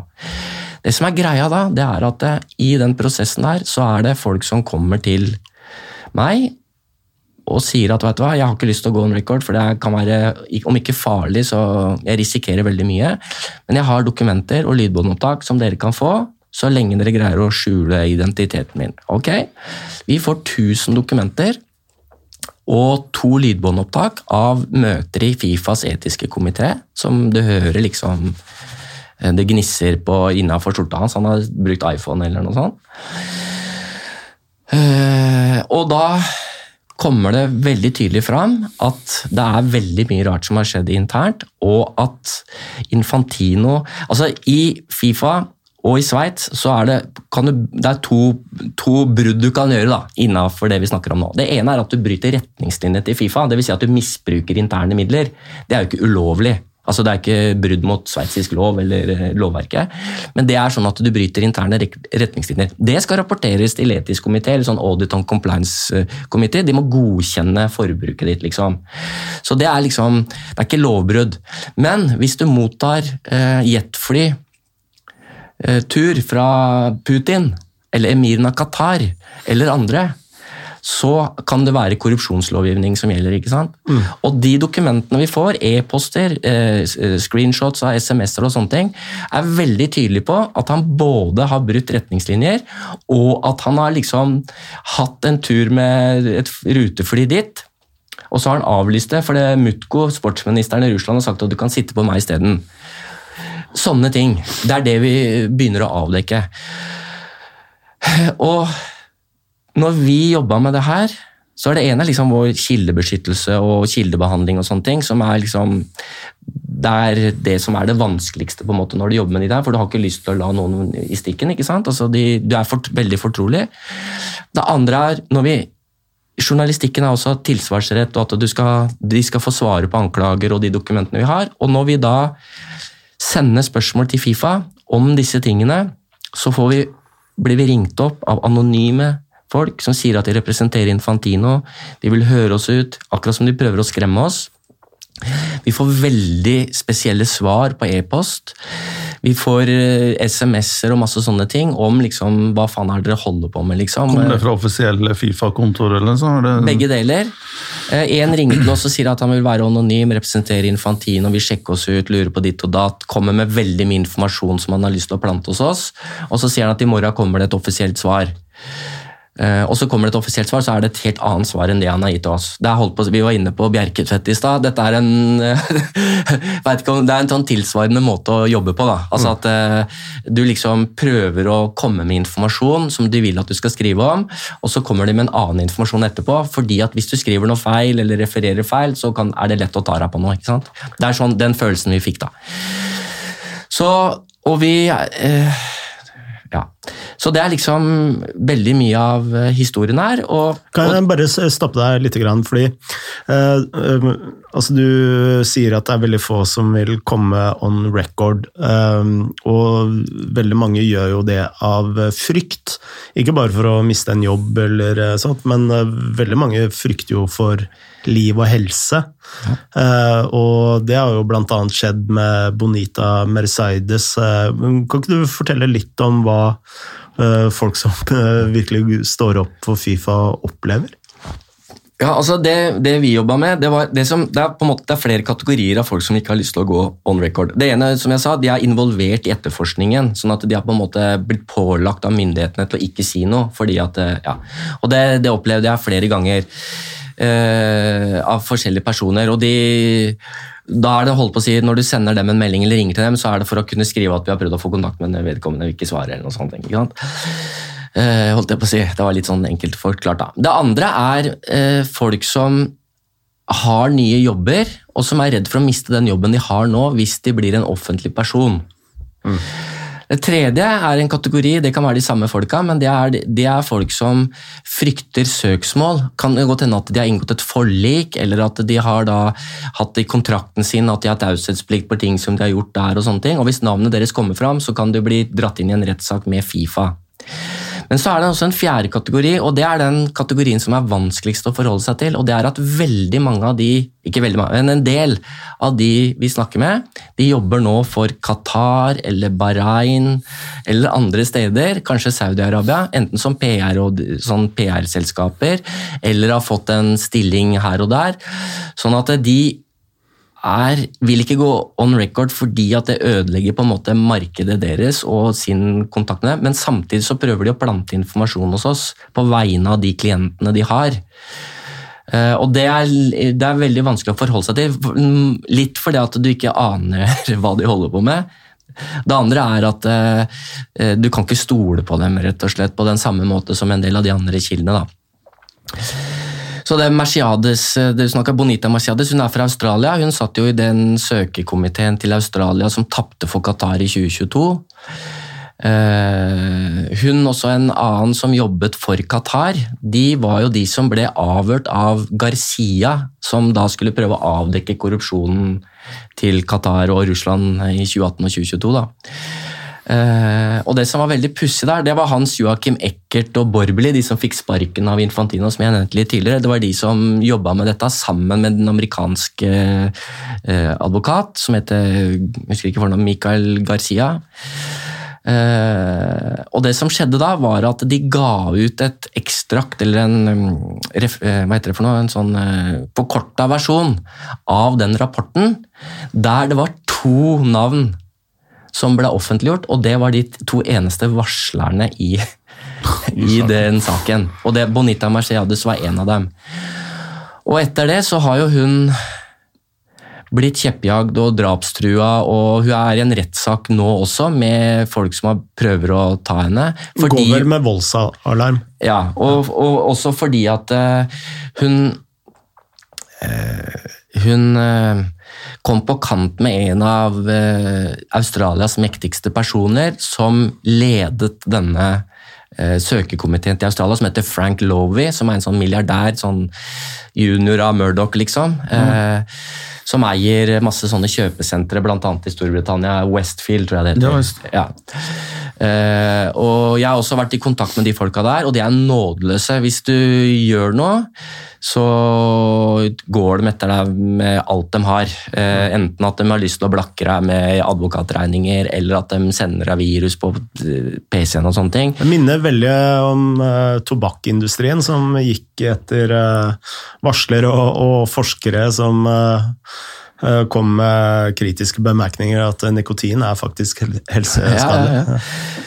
Så, så, det er liksom det jeg opplever eh, Altså, Jan og jeg i de Fifa-sakene og IOC og sånne ting, vi har aldri følt oss trua. Vi, vi, skjønner noen ganger at det er noen som prøver å ta oss, og jeg kan vise deg masse advokatbrev, liksom. Eh, men det er liksom fordi vi er på en måte på utsida. De som er på innsida, de det kan være store konsekvenser for dem da, at de står fram. Hun har jo vært en av de tøffeste ikke sant? og mm. blitt plaga livet av nå i ti år. Mm. Det er ikke av Fifa, da. Men eh, det, Nei, men, men det, er, det er i, det, si, den, det de kaller ja. fotballfamilien. da. Ja. Man kaller fotballfamilien For et fælt ord, på en måte. Altså, det, det, brukes jo hytt og pine, men det er jo de konnotasjonene i fotballfamilien er jo negative. Derfor, det er, det er mye fint på fotball, men fotballfamilien er ikke altså, Familien, Hvis du tar den amerikanske konteksten, så er jo det mafiaen. ikke sant? Altså, mm. det er den, det, altså, når eh, NFF snakker om fotballfamilien, så snakker de om alle de som driver grasrota, at vi alle holder på sammen. Men hvis du snakker om i det segmentet som vi snakker om, så snakker vi om en lukka krets som, der det er store konsekvenser at du bryter ut. da. Men uh, konklusjonen her er at uh, Fifa er uh, fortsatt ganske korrupt. Altså det er, jeg mener at det er mye verre nå enn det var for fire-fem år siden. Mye verre? Mye, mye verre. Fordi det som var tidligere, var at du hadde Sepp Latter, som på en måte prøvde å utvikle holdt på å si utvikle fotballen. Det ble, nå høres det ut som hvitvasking, det er ikke det jeg mener, men han hadde i hvert fall en han styrte skuta sjøl, og han visste hvem som var korrupte i det systemet han holdt på, og det var det som gjorde at han holdt seg ved makta. Mm. Ikke sant? Eh, men det var ikke noe sånn som kunne komme til han og si at vi skal ha fotball-VM der, eller vi skal ha den cupen der. Det var noe som han bestemte sjøl, på en måte, i mye større grad. Det du ser nå, det er jo at du har en leder som opptrer som en byråkrat for de som driver sportswashing eller mektige interesser som kommer utenifra. Mm. Når Saudi-Arabia kommer med 60 milliarder kroner for å lage en ny cupturnering, det er ikke du som styrer skuta lenger.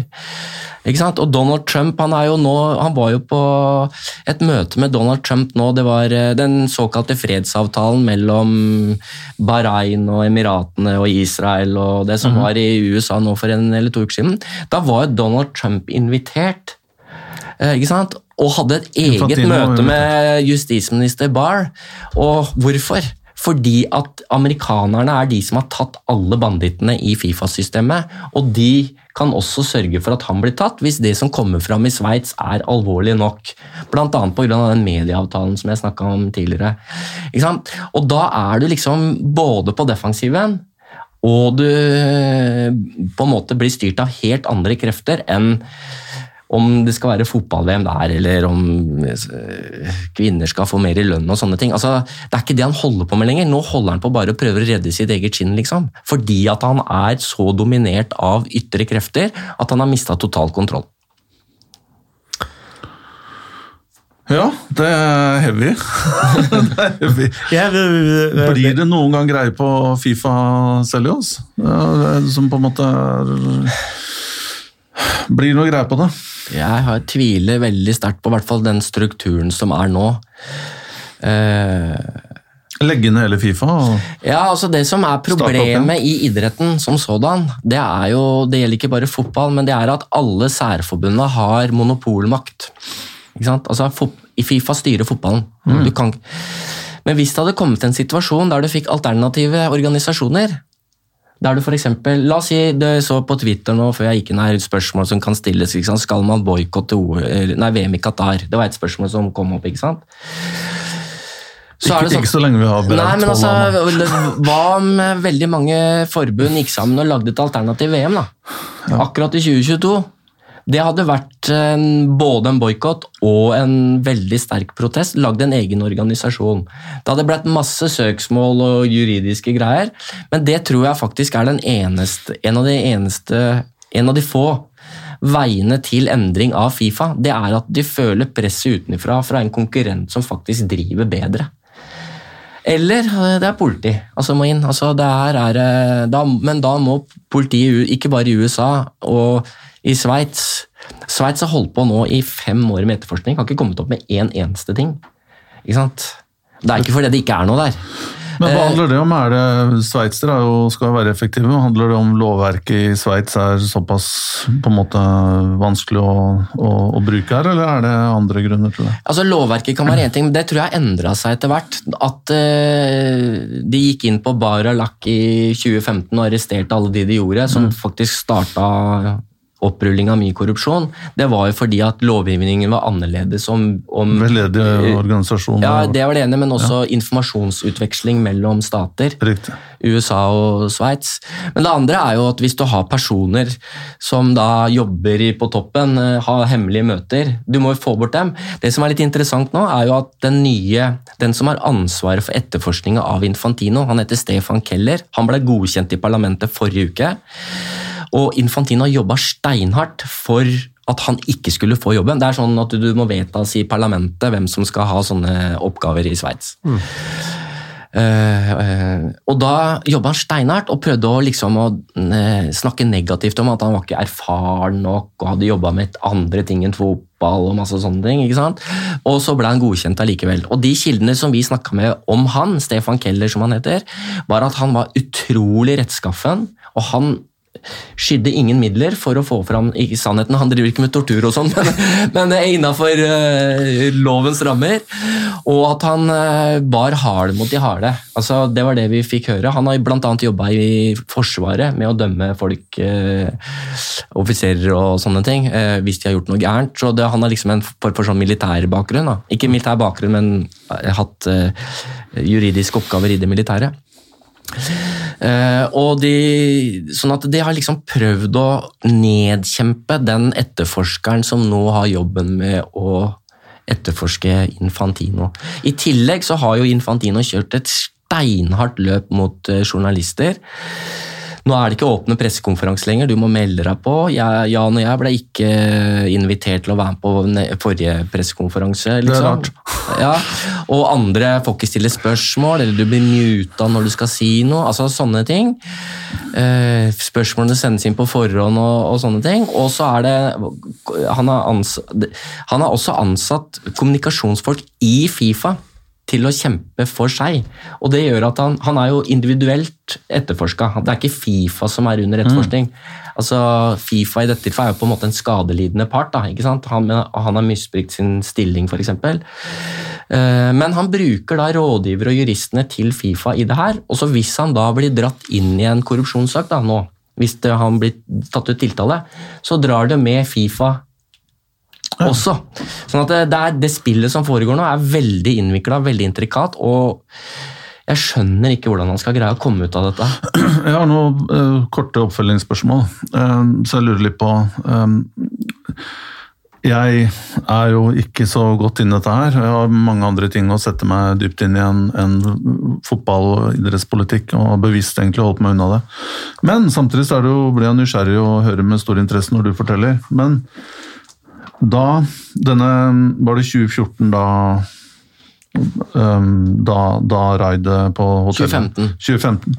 Og da røyk Blatter ikke sant, i den løpet av noen uker der. I forkant av det, eller i årene ledende opp til det, var Infantino en, eh, en type som gikk i kulissen og håp, liksom jobba for at han skulle komme i den posisjonen, eller er det nesten som han der australske skøyteløperen som vant OL, og de tre, ja, de tre eller fire foran uh, krasja. Og så plutselig så var han på riktig sted til riktig tid, og så ble han var det, Men for oss outsidere så ser det ut som det var ganske tilfeldig at han endte opp der. Er det riktig, eller er dette, tror du, noe han Nei, jobba jeg, jeg tror også at eh, det ikke var planlagt. Han ikke hadde planlagt det sjøl. At han havner oppi en situasjon som er veldig overraskende for han. Eh, men som han på en måte utnytter fordi andre forteller han at han skal gjøre det. Det var én historie som vi, jeg har blitt fortalt, som jeg ikke har fått verifisert, eller jeg, det er litt usikkert, men det var at eh, da det ble kjent at Blattet måtte gå av, og det ble starta en valgkamp, så var det da det var flere kandidater som stilte opp. Det var, eh, det var vel fem, fem, eller seks kandidater tror jeg, som stilte opp til presidentvalget. Den sterkeste kandidaten som alle trodde ville vinne, det var sjeik Salman fra mm, Bahrain. Mm, stemmer. Jordan? Nei, Bahrain. Ja, riktig. Og du hadde Ali fra Jordan, ja. eh, og så hadde du Tokyo Seks Hvaler fra Sør-Afrika. Så hadde du Jérôme Champagne, som stilt, var den eneste som stilte opp i forrige gang mot eh, Sepp Latter. Litt rar greie, hele opplegget. Og så var det ja, Kanskje det var en til, jeg husker ikke hvem det var. Men i hvert fall, eh, det var de. Men det var eh, sjeik Salman fra Bahrain. Og så var det da Infantino som var liksom. Det, Den informasjonen som Eller det som noen fortalte oss i den etterforskninga her man sier ikke at det er sånn det er, men det var at sjeik Salman sammen med en som heter sjeik Ahmed fra Kuwait som ble tidligere regna for verdens mektigste idrettspolitiker. Han satt i IOC, han satt i Fifa-styret, han satt i Det internasjonale håndballforbundet, han er president i Den asiatiske olympiske komité, eh, han leda ANOK, som er det eh, sammenslutning for alle olympiske komiteer. Altså, det var han som fikk Thomas Bach til å bli IOC-president. Altså Alt som har skjedd i, på IOC-området de siste ti åra, er det han som har sørga for. Mektig kar, mann. Veldig mektig kar. Han ble kalt for the kingmaker, liksom. At sjeik Ahmed ville at sjeik Salman skulle bli valgt til president. Uh, og da foreslo de, eller de ble enige om, eller uh, kom med et forslag om at de skulle foreslå at Infantino skulle være Europas kandidat. Fordi han var lett å slå. og da var, det, da var teorien til Salman da, at hvis de fikk Infantino til å stille istedenfor Platini, så ville de danket han lett. Ja. Men Famous så mista de kontrollen, da. hvis det er sant. Ja, det er litt eh, vanskelig å si. Eh, så mista de helt kontrollen, og det spillet som var for å få stemmer hit og dit, det var ganske intrikat. Ja. Men eh, da Infantino vant jo i andre valgrunde, så han vant jo ganske overlegent da. Eh, og det takket være Sunil Gulati, som da var president i det amerikanske forbundet, som eh, var veldig tett på Infantino eh, og jobba for han. Og så er det også litt spesielt, det ble veldig innvikla, veldig spesielt her, men det var også en gruppering fra Kuwait som hata sjeik Ahmed, altså han også fra Kuwait, eh, som jobba hardt for at sjeik Ahmed skulle tape. Og det vi fikk høre, det kan vi ta en annen episode eh, om eh, forholdet til Kuwait. Kuwait har hatt en veldig sentral plass i internasjonal idrett de siste åra. Emiren døde i går, vi kan ha en egen emirutgave. Men det var at den kuwaitiske grupperinga greide å flytte 16 stemmer da, mot sin landsmann, som var for sjeik Salman over. Sånn at eh, Gun, Gunna- Gulati, Sunil Gulati i amerikanske forbundet og en del kuwaitere som jobba steinhardt for eh, at eh, Infantino skulle vinne, de på en måte greide å skyve de stemmene over. da. Om det er eh, 100 sant eller ikke, vet jeg ikke, men det er gode kilder på at det kan ha skjedd. da. Når er neste valg, Andreas? Fifa-presidentvalg? Det er 2023. Oh, ja. Så, ja. Og er det noen Rising Stars ja, Altså, på Hvis eh, Infantina må gå før det, så er det jo valg Ja. før det, da. Men vi satser jo på at han blir sittende litt. Men, eh, men eh, er det noen på vei opp i systemet? Sånn Rising Stars i Fifa som man tenker at endelig er den som Nei, det tror jeg Altså det som, for, På valget sist så var han jo den eneste kandidaten. Eh, så han hadde ikke noen motkandidater. Og det er liksom en sånn derre og det er fordi at han har konsolidert makta si. Det er ingen som tør. Altså De der kongressene som er, er jo ikke et spørsmål fra salen. Det eneste de gjør, er å rekke opp hånda sånn når de skal liksom Er du der, liksom, eller ikke? Og så er det Det er litt sånn art of war. Du går ikke til krig når du veit du ikke har en Og det andre er at eh, hvis du kommer ut med kandidaturet ditt veldig tidlig, så har alle motkandidatene tid til å motarbeide deg. Sånn at ja. det er veldig vanskelig å se for seg eh, hvem det skulle være, liksom. Jeg har ikke peiling. Altså, du, du som jobber tett med denne problematikken, og du sier at uh, eh, det har aldri vært så ille som det er nå. Hvorfor eh, leser vi ikke om dette i eh, norsk presse? Det er mange grunner til det. tror jeg. Det ene er at eh, folk ikke er interessert. Eh, de tror at det er kjedelig, og så er det litt ressurskrevende. Og så må du faktisk holde på med dette over lang tid for å skjønne egentlig hva som skjer. Eh, vi ser bl.a.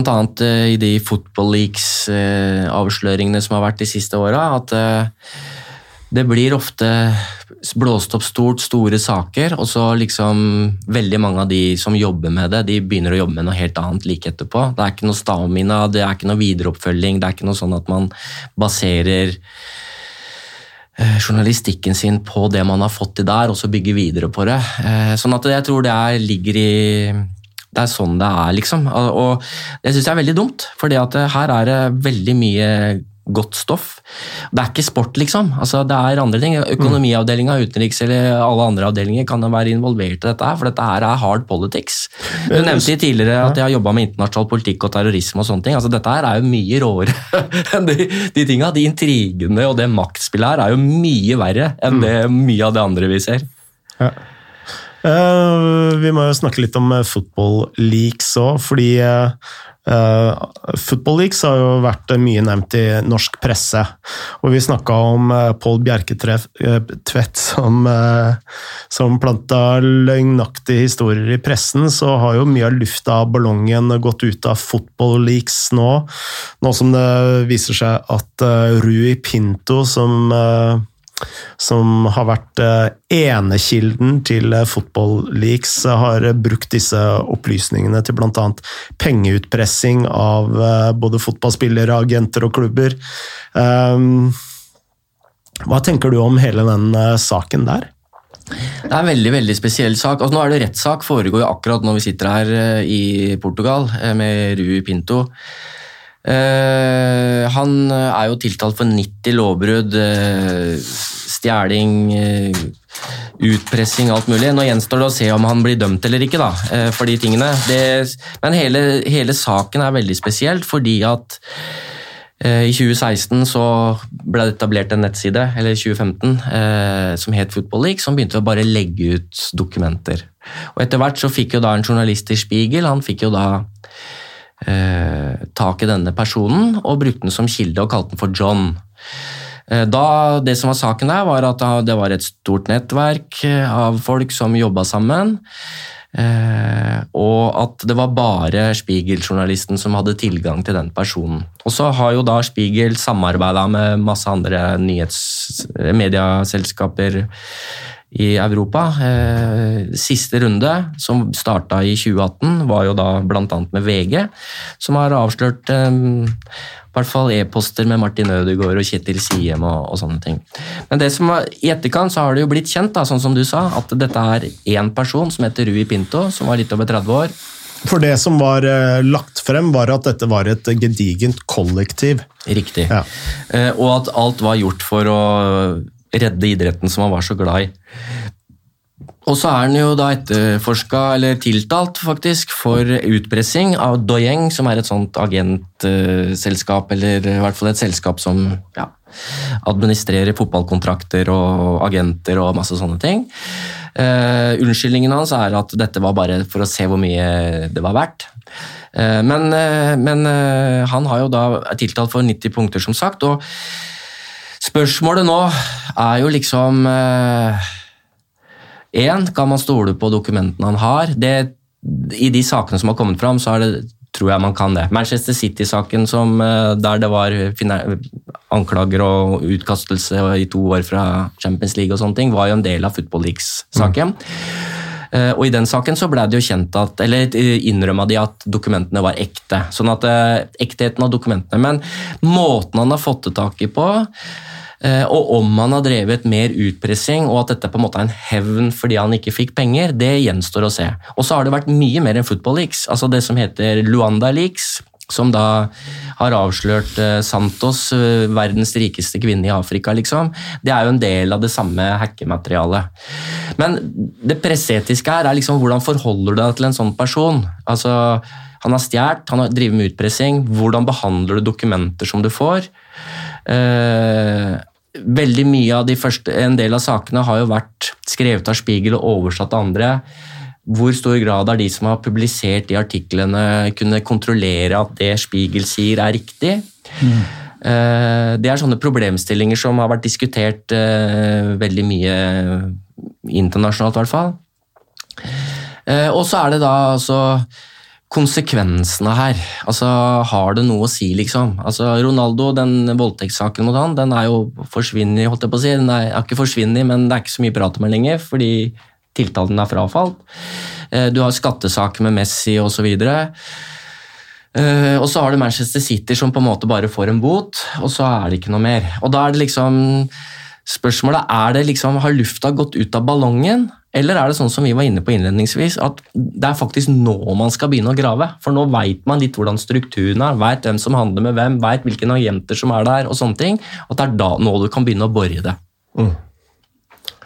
Men det å, å stjele opplysninger, det er altså fra mitt ståsted, da, å publisere det, det er jo langt fra så presseetisk som det går an å komme. Ja, altså Det som det var litt interessant i den Manchester City-saken og i CAS, eh, altså idrettens voldgiftsrett, der, eh, der Manchester City holdt på å si gikk fri. De måtte betale en bot fordi de hadde trenert etterforskninga, men de fikk jo fortsatt være med i, nei, i Champions League.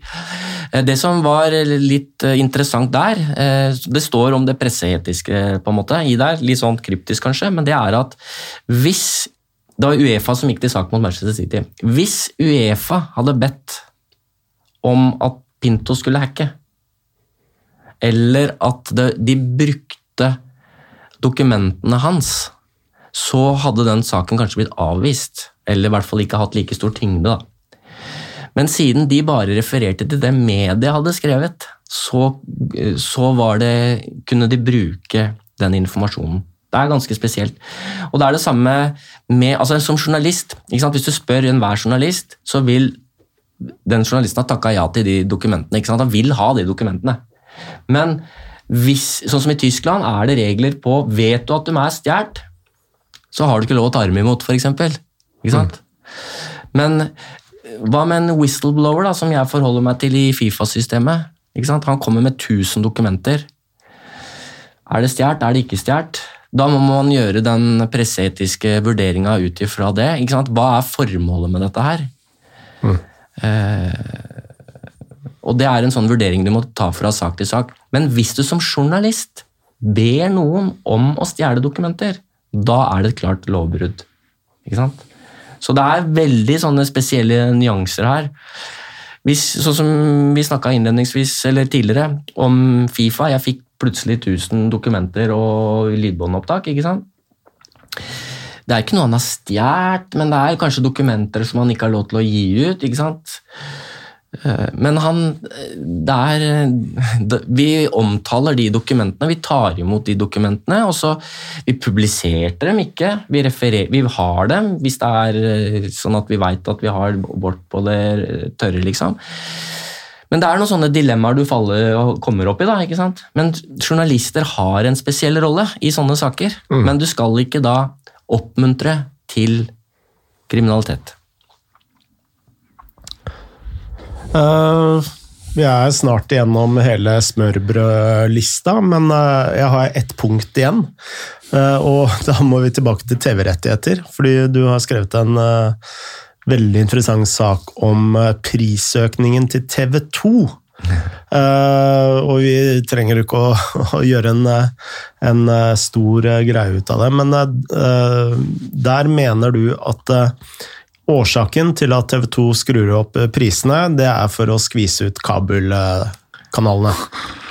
Ja, altså, Ikke skvise ut, det tror jeg ikke. Det går ikke. Men det de gjør, er at de vil være, stå mer selvstendig i, eh, overfor eh, det vi kaller distributørene. Da. Mm. Eh, det har jo vært i helt siden store medieavtaler eh, kom til, om det er Tippeligaen eller Eliteserien og Premier League og sånne ting, så har jo da har det alltid vært en, eh, først en budgivning, eller i hvert fall koster mye penger å få de, og så er det hvordan er det da TV 2 for eksempel, skal få igjen de pengene sine. Det, eh, Premier League nå er jo ganske holdt på å si, enkelt, er det ikke, men de har jo et premiumprodukt, sånn at du må betale penger for å se det.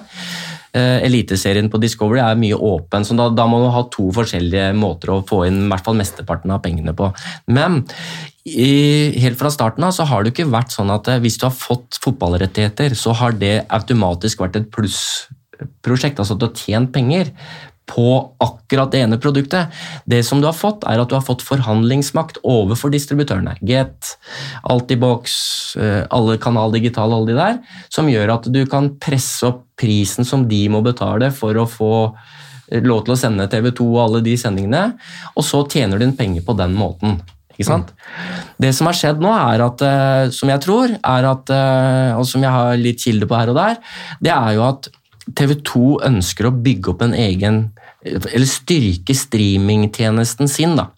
Det vil si at eh, hvis de får inn flere og flere abonnenter Premier League-abonnenter på TV2 Sumo, så er forhandlingsmakten til Get og alle de andre de er mye mindre. Mm. Det er litt av det vi kan se nå. Og for I Sumo så ligger det også mange andre produkter. Det er film, eh, ja, Jeg ser ikke så mye på det, men mange andre Film, segmenter da, som gjør at du, hvis du, du kan liksom kombinere en som er fotballinteressert med en som er interessert i andre ting, og da kan du dra opp prisen på den måten, og så kanskje du får mer lojale kunder. Så TV 2 mister jo Premier League om halvannet år, eller om, i 2022. Og da er det sånn at det, Hva gjør de da? De vil beholde kanskje en del av den kundemassen som har fotball, til å komme over på andre produkter. ikke sant? Sånn at det, det er dynamikk her.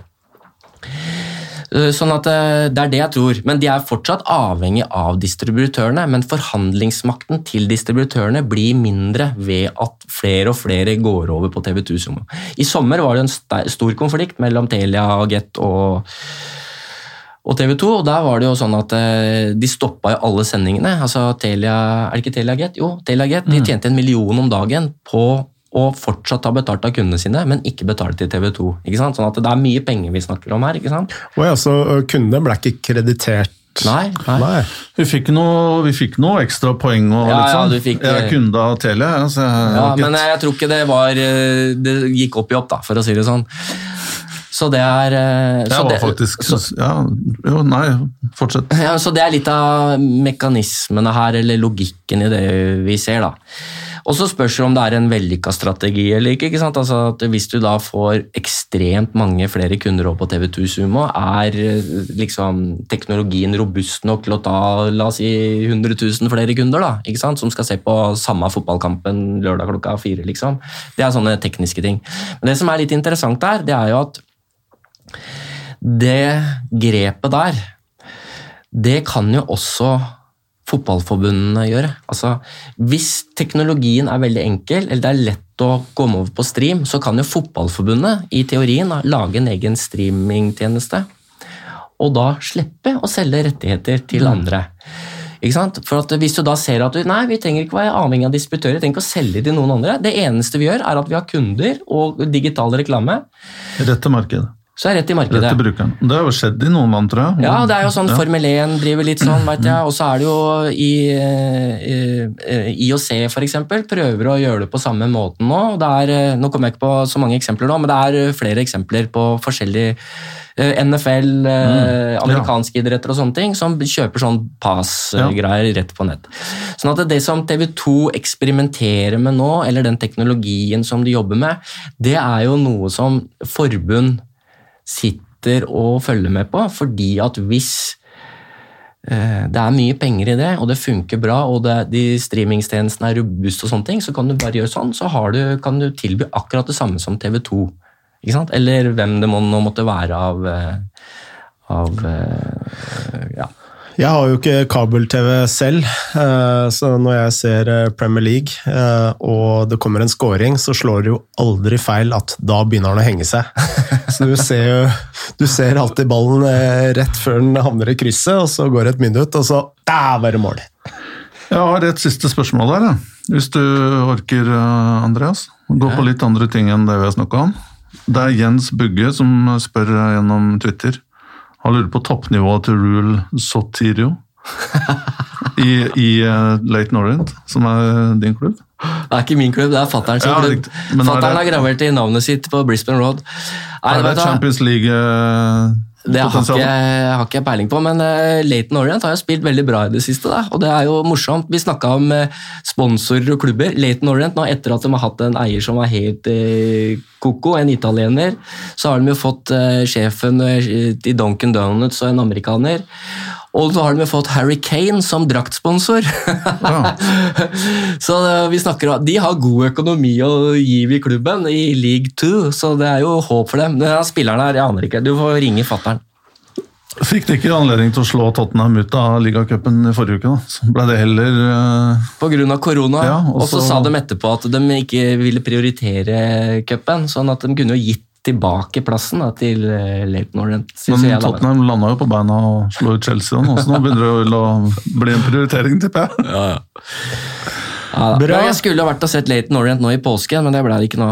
Men og da skulle vi fått et eget, eh, egen side i TV-program, nei, i eh, kampprogrammet om fattern og hans Hvorfor han holder på med dette her. For du har en sønn som heier på Fulham, og du er Everton-supporter.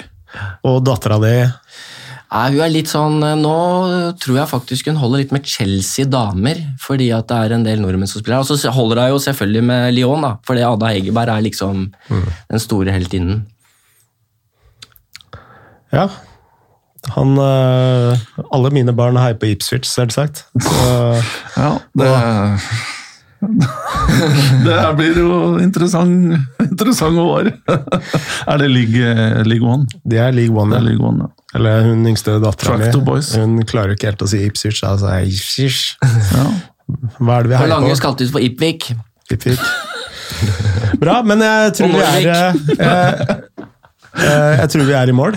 Ja, bare si tusen takk til Andreas. Veldig opplysende og, og utrolig fascinerende å, å, å høre på. Og håper lytterne deler det. Jeg syns det er helt utrolig fortsatt at du ikke jobber i et stort, stort norsk mediehus med den eh, kunnskapen og det kildenettverket du har. Eh, Men eh, Bra for oss i Chivatse. veldig bra for oss i Chivatse Shivatse. Som, er eh, ja. Og da sier vi som vi alltid sier her i eh, Shivatse, das vedanja og tre vodka ned.